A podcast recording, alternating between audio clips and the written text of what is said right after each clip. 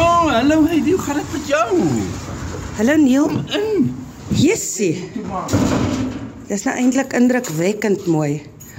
Neil, Ja. ek staan nou hier, ek is baie bevoorreg hoor ek, Ja. want ek het gehoor dat dat jy nie mense eintlik toelaat in jou huis nie. Nee, ek nooi omtrent nooit nooit nooit mense nie. Hoekom?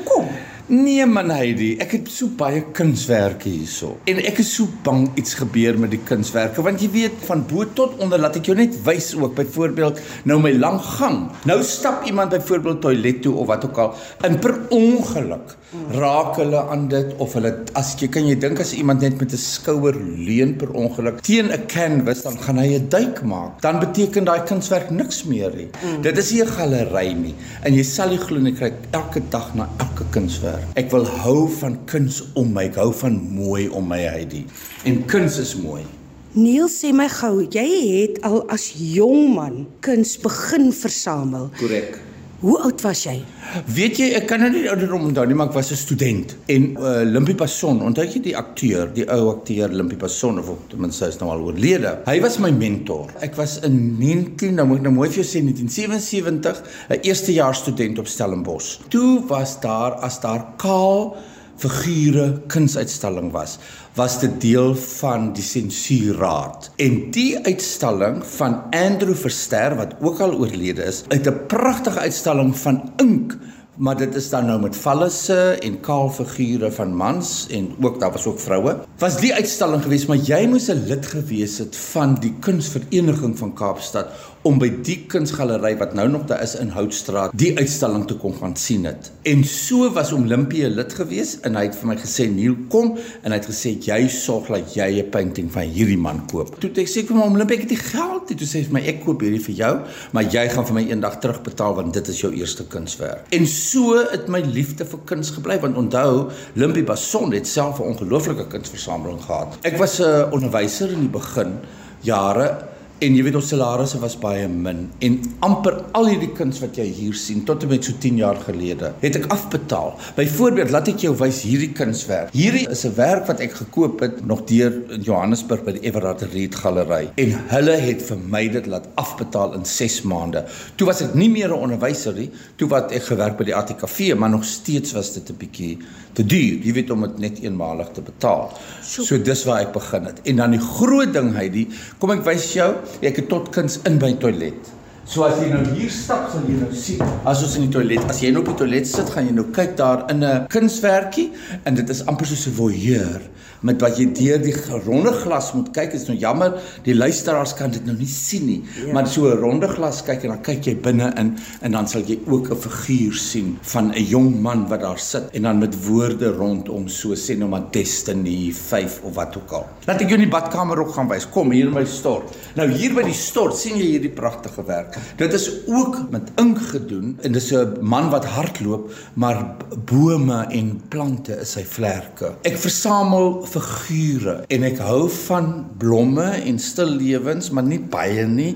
Dit moet met 'n figuur geassosieer wees. Soos jy kan sien, hier's nêrens 'n landskap nie. Ja, hoekom? Ag nee, ek voel nee, maar ek voel ons landskappe sien ek met my oog buite. Jy weet die berge by wat Hugo nou deeg gedoen het van Woester daai, die Toeiskloofberge en goed. Ek ry mos baie oor die oor die oor die berg. Dan sien ek mos nou ehm um, God se eie kunswerk wat hy gemaak het. Ek verneem hier's 88 binne in jou huis. Ja.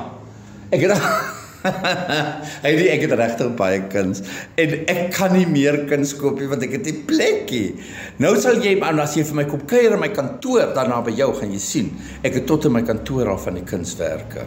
En dan het ek 'n begeerte om voor ek doodgaan wil ek 100 kunswerke hê. Is jy so effe van 'n kunssnob? Hoe moet hy lyk? Hoe sê jy? Ek is totale kunsnop. ek is 'n snop in die sin van as ek oor see ook gaan, dan is ek nie die gewone toeristiese man nie. Ek gaan vir kuns, byvoorbeeld die Guggenheim Museum in Bilbao. Ek het al die moeite gedoen om daar uit te kom. Ek sal eers gaan na kuns en dan ook agter opera aan. Die ander ding is ook die tipe kuns wat ek versamel. Jy sal sien dis dis meestal die manlike figuur Ja. het sy nakend, het sy geklee. Ek wil wys in my kamer waar ek baie mooi werk het. Jy sal sien hier is 'n werk van 'n geklede man wat staan wat 'n 'n moslim man is in die Kaap wat baie pragtig is en hoekom ek ook die manlike figuur versamel wat ah. my weer eens 'n snop maak is die feit dat jy sal vind dat mense baie die kaal vrou koop. Ook in kunsmuseums sien 'n mens so geweldig baie die nakende vrou. Jy sal op veilinge nakende vroue kry, maar baie selde 'n nakende man. So nakende manfigure is eintlik skaarser. Neil, ons weet nou al wat die taboes is.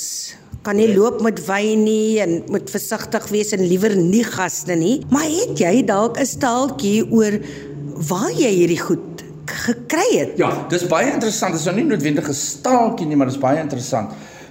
Omdat omdat ek uitkyk vir die kunsfiguur en ek gaan na verskillende kunsgalerye toe, doen ek dit. Maar weet jy wat doen ek die laaste tyd in COVID het dit veroorsaak? Tydens COVID was daar iemand soos byvoorbeeld Karen Zoid. Sy het mos om die kuns te help. Het sy elke week 'n kunstenaar gevra om 'n kunswerk op te sit op haar Facebook en dan kon jy be op die kuns. En so het ek nou byvoorbeeld hierdie pragtige kunswerke. Jy weet ek wil nou nie die name eintlik noem van kunstenaars nie. Hierdie pragtige kunswerk het ek juis so gekoop en dan hierdie figuur. Hierdie is nou eintlik 'n flasher, maar sien jy dit is die Orbi bokkie.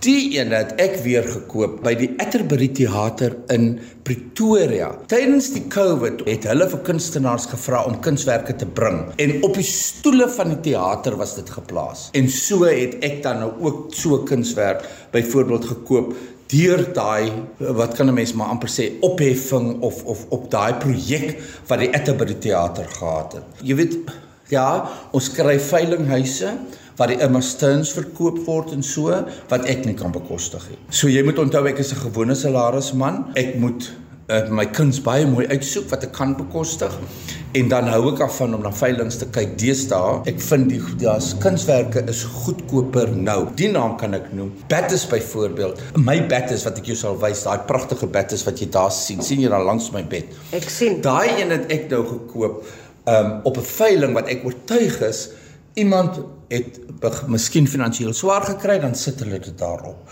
So ek vind 'n paar veilinge, daar's baie pragtige werke, byvoorbeeld Karl Buchner, jy weet selfs Andrew Verster, sulke mense wat ek dan kan Pattis byvoorbeeld, dan 'n kunswerk kan optel wat ek andersins nie maklik sou kon bekom nie. Nou voorheen het ek al op die kasteel gekoop.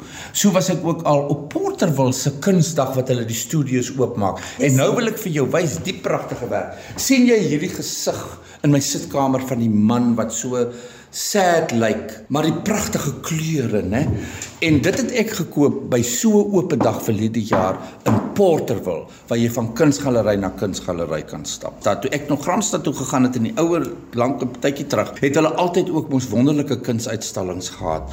En hier in my huis is 'n paar wat ek daar gekoop het wat vandag baie groot name is. Is daar 'n manier hoe jy na hulle moet omsien. Jy weet, of is dit net gewone afstof? Het jy 'n sekere manier haal jy hulle af of wat s'jou ding? Omdat ek self my kind so deurloop elke dag en kyk aan ek 'n stoffertjie my aan dan sal ek afstof. Maar een keer 'n jaar haal ek die kunswerke af en ek maak dit agterskoon. Of as dit 'n canvas is wat gestrek is oor 'n raam, dan sal jy uh, sien, soos kyk dat ek jou hier wys, die raam agter is oop. Die wow. seil word net gestrek tot agter die raam. So jy het eintlik hierdie holte en die stof is baie lief om op die onderste deel van 'n raam amper tyd te raak. So ek ek haal dit een keer 'n jaar af elke kunswerk en dan stof ek in my huisbestuurder stof ons dit dan nou af met 'n stoffer of met 'n nat lappie, maar ek raak nie aan die canvas nie. Wat vir jy nou nog bitter graag hê in jou versameling?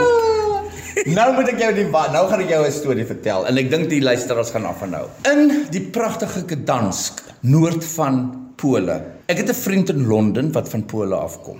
Hy het my deur Pole gevat. Dis nou al 'n paar jaar terug. Sy broer het 'n kunsgalery, is 'n kunshandelaar.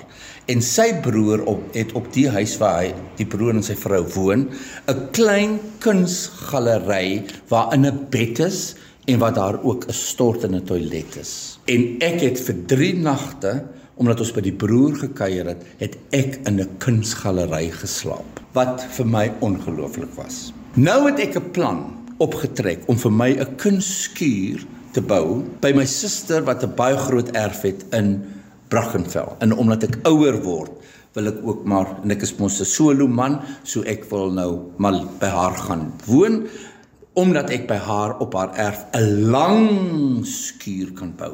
Net een vertrek hy die, net een vertrek. My dubbelbed gaan daar wees. My geelhoutjie tafel met stoele, onthou ek kookie met net 'n hoekie vir 'n ketel en 'n mikrogolfoond, 'n stort in verder net my kuns. En nou moet jy ook onthou hy die as 'n solo man is al hierdie mense om my mos nou my vriende. Kyk byvoorbeeld hierdie werk van 'n pink man, maar hy lyk so asof hy 'n samurai of 'n samurai vegter kan wees daar in Japan, né? Hy's my vriend, soms so, kyk ek vir hom as ek eet. So nou ja, dit is wat ek dink kuns aan my doen.